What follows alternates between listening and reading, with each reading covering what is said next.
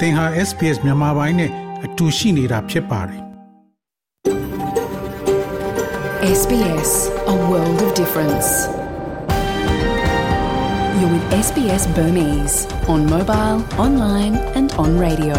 mobile online နဲ့ radio ပေါ်မှာသင်ဟာ SPS မြန်မာပိုင်းနဲ့အတူရှိနေတာဖြစ်ပါတယ်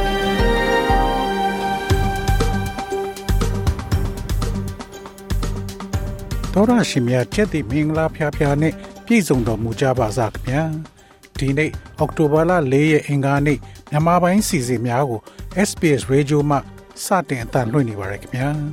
ဒီနေ့စီစဉ်များကိုကျွန်တော်ကြော်ထွန်းအောင်ခေါ် Terrell အောင်ကတင်ဆက်သွားမှာဖြစ်ပြီးယနေ့ပါဝင်မဲ့အစီအစဉ်များမှာတော့ခလေးဘဝတွင် dementia ယောဂရှိသူများပံ့ပိုးကူညီမှုများပုံမလိုအပ်နေတဲ့ဆိုတဲ့ဆောင်းပါဩစတြေးလျနိုင်ငံရှိ ရဝမ်လူမျိုးမချန်းစီကို မေးမြန်းထားကဩစတြေးလျမှာကိုယ့်အရေးချင်းနဲ့သက်ဆိုင်တဲ့အလုပ်ကိုဘယ်လိုရှာမလဲဆိုတဲ့ဆောင်းပါးတို့ဖြစ်ပြီးဒီနေ့ခေါင်းကြီးပိုင်းသတင်းတွေကတော့အတိုးနှုံထပ်မြင့်တဲ့ရှင်ကျန်းတွင်ကိုဗစ်ပိုးသက်ဆေးကြောင့်ဝီဂါလူမျိုး73ဦးထက်မနည်းသေဆုံး drone နှစင်ပစ်ချခံရပြီး RTGF အဖွဲ့မှအကူအညီလိုနေတယ်လို့ပြော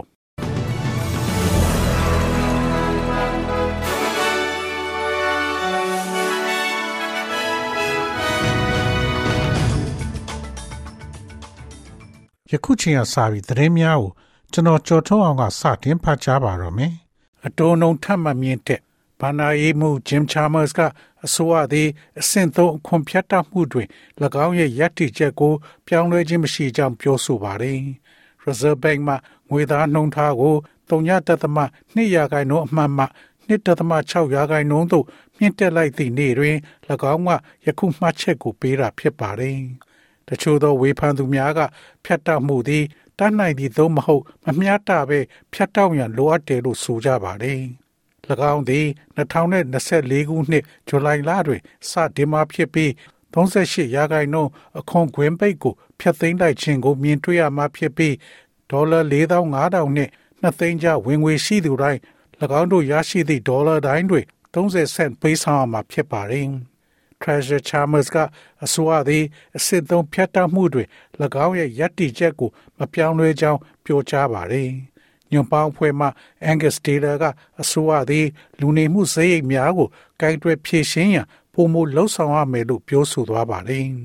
။ရှင်ကျန်းတွင်ကိုဗစ်ပိုးသက်ဆေးအစိတ်သစ်မှုကြောင့်ဝီဂါ73ဦးထက်မနည်းသေဆုံးတရုတ်နိုင်ငံအနောက်မြောက်ပိုင်းရှင်ကျန်းဒေသရှိ ကောင်တီတစ်ခုတွင်ပြီးခဲ့တဲ့သတင်းပတ်ကကိုရိုနာဗိုင်းရပ်စ်ကူးစက်မှုကိုတိုက်ဖျက်ရန်နေအိမ်များတွင် ပိုးသက်ဆေးဖြန်းရမှအစိတ်သင့်သဖြင့်ဝီဂါ73ဦးထက်မနည်းသေဆုံးခဲ့ကြောင်းဒေသခံများနှင့်တာဝန်ရှိသူများကပြောဆိုပါရယ်သေဆုံးခဲ့သောဝီဂါများသည်ဟိုတန်စီယန်ဇုတ်ဂူမာကောင်တီမှဖြစ်ပါရယ်၎င်းတို့သည် COVID-19 virus တိုက်ဖျက်ရန်အသုံးပြုသော ပိုးသက်ဆေးအစိတ်သစ်မှုကြောင့်သေဆုံးခဲ့တဲ့ဆိုသော ရှင်ကျန်ဝေဂါကိုပိုင်အုပ်ချုပ်ခွင့်ရဒေသမှ လူများဖြစ်တယ်လို့လူမှုမီဒီယာပေါ်တွင် ရေးသားထားသောမှတ်ချက်များတွင်ဖော်ပြထားပါသည်။ online ပေါ်မှတင်ထားသောဗီဒီယိုများတွင် အာဏာပိုင်များကဒေသတွင်ရှိအိမ်များမှအတွင်းနေရန်များပရိဘောဂများအိယာများနှင့်ရေခဲတစ်တာအတွင်းဆေးဖြန်းနေပုံများကို ပြသထားပါသည်။ အသွာလာပိတ်ဆို့ကလေးကဆေးဖြန်းကရိယာတတ်ထားသော လေယာဉ်များကမကြာခဏဆိုသလိုအပေါ်မှနေပက်ဖြန်းကြတယ်လို့ဒေသခံများကပြောဆိုပါတယ်။အိမ်တွင်ဆေးဖြန်းသည့်အာဏာပိုင်များကို ဝင်ခွင့်မပေးသော အသက်24နှစ်အရွယ်တဦးမှလည်းထိမ့်သိမ်းခံထားရကြောင်းအမိမဖော်လိုသောတူကပြောဆိုပါတယ်။ drone နှစင်ပြစ်ချခံရပြီး RTGF အဖွဲ့မှအကူအညီတောင်းခံ မြန်မာကဝေးတပ်ဖွဲ့ရဲ့ drone နှစင်စစ်ကောင်စီတပ်ရဲ့ပြစ်ချခံရပြီးနောက်တိုက်ပွဲဖော်ဆောင်ရန်အခက်အခဲရှိနေတဲ့အတွက်ဝိုင်းဝန်းကူညီကြဖို့ပြည်သူများထံမှ Royal Tiger Guerrilla Force RTGF တပ်ဖွဲ့မှမေတ္တာရက်ခံထားပါတယ်။စကိုင်းတိုင်းခင်ဦးမြို့နယ်ပြည်ထောင်ပြူရွစခန်းကို RTGF တပ်ဖွဲ့က drone ဖြင့်ပြီးခဲ့တဲ့လပိုင်းကသွားရောက်တိုက်ခိုက်စဉ်စစ်ကောင်စီတပ်ကပြစ်ခတ်မှုကြောင့် တောင်ပန်တစ်ဖက်ထိခိုက်ပျက်စီးခဲ့ခြင်းဖြစ်ပါတယ်။ထို့အပြင်ဩဂတ်လ31ရက်နေ့ကရွှေဘိုမြို့နယ်ပန်းလိုက်ပြူရွာကို တိုက်ခိုက်စဉ်စစ်ကောင်စီတပ်ရဲ့ drone ဖက်လက်နက်ဖြင့်ပစ်ချခံရမှုကြောင့်နောက်ထပ် drone တစ်စင်းပြစ်ကျဆုံးရှုံးခဲ့ရခြင်းဖြစ်ကြောင်းသိရှိရပါတယ်။ကာကွယ်ရေးတပ်ဖွဲ့ရဲ့ drone တစ်စင်းပစ်ချခံရပြီးတဲ့နောက်၎င်းတို့လှုပ်ရှားနေမြေတဝိုက်တွင် ရှိနေတဲ့စစ်ကောင်စီတပ်နှင့် ပြည်စောဒီများကို တိုက်ခိုက်ရန်အခက်အခဲများရှိနေကြောင်းကာကွယ်ရေးတပ်ဖွဲ့ကပြောဆိုပါတယ်။ထို့အပြင်ကာကွယ်ရေးတပ်ဖွဲ့တွင်လက်လုံတထောင်ထိုးတနတ်များသာရှိနေသည့်အတွက်တိုက်ပွဲဝင်ရန်အစင်မပြေဖြစ်နေပြီးလက်နက်ခဲယံဝယ်ယူရန်ရန်ပုံငွေမလုံလောက်သည့်အတွက်ထောက်ပံ့မှုများလိုအပ်နေကြောင်းကာဝေးတပ်ဖွဲ့ထံမှသိရှိရပါတယ်။ဆီးရီးယားကပြန်ခေါ်လာမဲ့အမျိုးသမီးတွေနဲ့ကလေးတွေကိုစောင့်ကြည့်သွားမယ်ဟုဆို ဆီးရီးယားမှဩစတြေးလျနိုင်ငံသို့ပြန်လည်ပို့ဆောင်ရန်စီစဉ်နေတဲ့ကလေးများနှင့်အမျိုးသမီးများအားထောက်ပံ့ကူညီသွားမယ်လို့ဖက်ဒရယ်ဆိုအားကပြောကြားခဲ့ပါတယ်။အစ္စလာမစ်နိုင်ငံတော်အဖွဲ့ဝင်များရဲ့မိသားစုဝင်များဖြစ်သော အမျိုးသမီး16ဦးနဲ့ကလေး42ဦးတို့ကို နေရပြန်ပို့မိအစီအစဉ်ကို Labor အစိုးရကအတည်ပြုခဲ့ပြီး2019ခုနှစ်မတ်လကတည်းက အီရတ်နေဇတ်အနီးဆီးရီးယားရှေ့မြောက်ပိုင်းရှိ El Roch ထိန်းသိမ်းစခန်းတွင်ထိန်းသိမ်းခံရသူများဖြစ်ပါတယ်။ Federal Front Bencher Daniel Bibblesek က Channel 7ကိုပြောဆိုအားတွင်၎င်းတို့သည် Australia သို့ပြန်ရောက်သည့်နှင့်မိသားစုများကိုစောင့်ကြည့်သွားမှာဖြစ်ပြီး၎င်းတို့လိုအပ်သောစောင့်ရှောက်မှုများရရှိကြောင်းသေချာစေရန်အတွက်ဖြစ်တယ်လို့ပြောဆိုပါတယ်။ Federal အတိုက်ခံဖွဲ့က နေရသို့ပြန်ပို့ရေးတောင်းဆိုမှုများကိုစန့်ကျင်ခဲ့ပြီးထိုစဉ်ကပြည်ထောင်ဝင်ကြီးပီတာဒါတင်သည်အမျိုးသမီးတချို့အိမ်ပြန်ရန်အလားလာရှိပြီးအစုလိုက်အပြုံလိုက်သတ်ဖြတ်မှုဖြစ်ရဖြစ်လာနိုင်ကြောင်းပြောဆိုခဲ့ပါတယ်။လက်ရှိ Liberal ပြည်ထောင်ပြောရေးဆိုခွင့်ရှိသူ Karen Andrews ကသူမသည် Syria ရှိ IS နှင့်ပြည်ပတိုက်ခိုက်ရေးသမားများကို ထောက်ပံ့ရာတွင်အမျိုးသမီးများသည်ကြံရပါခြင်းဟုယုံကြည်သောကြောင့် နေရသို့ပြန်ပို့ရေးအစီအစဉ်များကိုဆက်လက်ဆန့်ကျင်နေဆဲဖြစ်ကြောင်းပြောဆိုပါရယ်မြန်မာနိုင်ငံမှာပဋိပက္ခတွေဆက်လက်ပြင်းထန်နေတဲ့အပေါ်ကုလသမဂ္ဂသတိပေး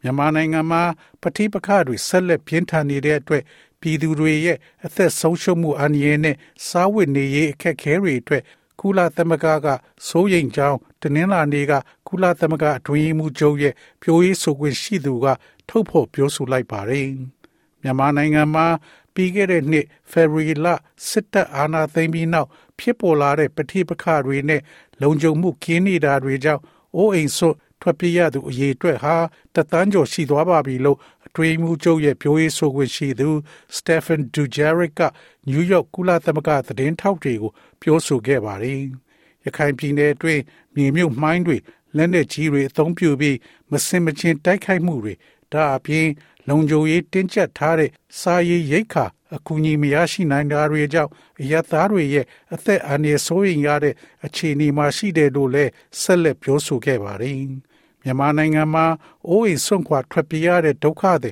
တသန်း3သိန်းကျော်ရှိပြီးပြီးခဲ့တဲ့နှစ်စစ်တပ်အာဏာသိမ်းပြီးတဲ့နောက်တသန်းကျော်တိုးလာခဲ့ကြောင်းနဲ့2022ခုနှစ်အတွင်းအကူအညီလိုအပ်နေသူ3.3သန်းအတွက်ကြိုးပမ်းလှုံ့ဆော်နေကြောင်းကုလသမဂ္ဂလူသားချင်းစာနာမှုဆိုင်ရာယုံ UNOCHA ကအစီရင်ခံစာထုတ်ပြန်ထားပါတယ်။ ယခုနှစ်အာဆီယံစီဝေးသို့မင်းအောင်လှိုင်ကိုကမ္ဘောဒီးယားကမဖိတ်ကြားဖနွန်ပင်တွင် လာမယ့်လ၌ကျင်းပရရှိသောအကြိမ်40နှစ်40ကြိမ်မြောက်အာဆီယံထိပ်သီးအစည်းအဝေးနှင့်ဆက်ဆက်အစည်းအဝေးများသို့မြန်မာစစ်ကောင်စီဥက္ကဋ္ဌမင်းအောင်လှိုင်ကိုကမ္ဘောဒီးယားကဖိတ်ကြားခြင်းမရှိကြောင်းသိရှိရပါတယ်။ကမ္ဘောဒီးယားအစိုးရအနေဖြင့်သူ့အစားမြန်မာနိုင်ငံမှနိုင်ငံရေးကိုကိုစားမပြုသူတူအားတက်ရောက်ရာဖိတ်ကြားသွားမယ်လို့ဆိုပါတယ်။ အာဆီယံဘုံသဘောတူညီချက်9ရက်အားအကောင့်ထဲပေါ်ရ၌မြန်မာသည်စစ်မှန်သောတိုးတက်မှုကင်းမဲ့နေသည်ကို ပြသခြင်းနှင့်ဒီမိုကရေစီတက်ကြွလှုပ်ရှားသူများကိုသေရန်ပေးစီရင်ခဲ့ခြင်းကဲ့သို့ပြောင်ပြောင်တင်းတင်းမထီမဲ့မြင်ပြုခြင်းများကြောင့်ယခုကဲ့သို့မဖိတ်ကြားခြင်းဖြစ်ပါတယ်။ထိပ်သီးအစည်းအဝေးတွင်မြန်မာစစ်အာဏာသိမ်းခေါင်းဆောင်ကိုဖယ်ချန်ထားမည်ဆိုခြင်းအားနိုင်ငံခြားရေးနဲ့နိုင်ငံတကာပူးပေါင်းဆောင်ရွက်ရေးဝန်ကြီးဌာနက ပြောခွင့်ရသူချန်ဆန်ရီကအတည်ပြုပြောဆိုသွားတာဖြစ်ပါတယ်။ဖေဗရီလအတွင်းကအာဆီယံကာဝေးဝန်ကြီးများအစည်းအဝေးကိုအေရှင်ပြုကျင်းပခြင်းကလည်းဘုံသဘောတူညီချက်9ရက်ကို အကောင့်ထဲဖော်မှုကင်းမဲ့ခြင်းကြောင့်ကမ္ဘောဒီးယားနိုင်ငံသည်မြန်မာစစ်ကောင်စီနိုင်ငံခြားရေးဝန်ကြီးဝနမောင်လွင်ကို ဖိတ်ကြားခြင်းမရှိခဲ့ပါဘူး SBS SBS SBS SBS SBS This is SBS Radio. ဝေလဲနှုန်းမှာတော့ Australian dollar ကိုမြန်မာကျပ်ငွေ1368ကျပ်ရရှိပြီး American dollar ကိုမြန်မာကျပ်ငွေ2092ကျပ်ရရှိပါတယ်။ Australian dollar ဟာ American 65စက်နဲ့ညီမျှပါတယ်။မနေ့ဖြန် Australia တိုက်မှာရှိတဲ့မြို့ကြီးများရဲ့မိုးလေဝသခန့်မှန်းချက်ကတော့ဆင်နီမြို့မှာအပူချိန်20 degree centigrade ရှိမှဖြစ်ပြီးမိုးရွာသွန်းမှုတိုးမြင့်လာမှာဖြစ်ပါတယ်။ Melbourne မြို့မှာအပူချိန်18 degree centigrade ရှိမှဖြစ်ပြီးမိုးရွာသွန်းနိုင်ပါတယ်။ Brisbane မြို့မှာအပူချိန်23 degree centigrade ရှိမှဖြစ်ပြီးမိုးတိမ်သားများအနည်းငယ်ရှိမှဖြစ်ပါတယ်။ Perth မြို့မှာအပူချိန်20 degree centigrade ရှိမှဖြစ်ပြီးမိုးရွာသွန်းမှုလျော့နည်းလာမှာဖြစ်ပါတယ်။ Adelaide မြို့မှာအပူချိန်22 degree centigrade ရှိမှဖြစ်ပြီးမိုးတစ်ဖြောက်နှစ်ဖြောက်ရွာသွန်းနိုင်ပါတယ်။ Hobart မြို့မှာအပူချိန်14 degree centigrade ရှိမှဖြစ်ပြီးမိုးတိမ်သားများရှိမှဖြစ်ပါတယ်။ Canberra မြို့မှာအပူချိန်14 degree centigrade ရှိမှဖြစ်ပြီးမိုးရွာသွန်းနိုင်ပါတယ်။ Darwin မြို့မှာအပူချိန်33 degree centigrade ရှိမှဖြစ်ပြီးမိုးတစ်ဖြောက်နှစ်ဖြောက်ရွာသွန်းနိုင်ပါတယ်။ဤတွင်သတင်းများကိုကြီးညာလို့ပြီးပါပြီခင်ဗျာ။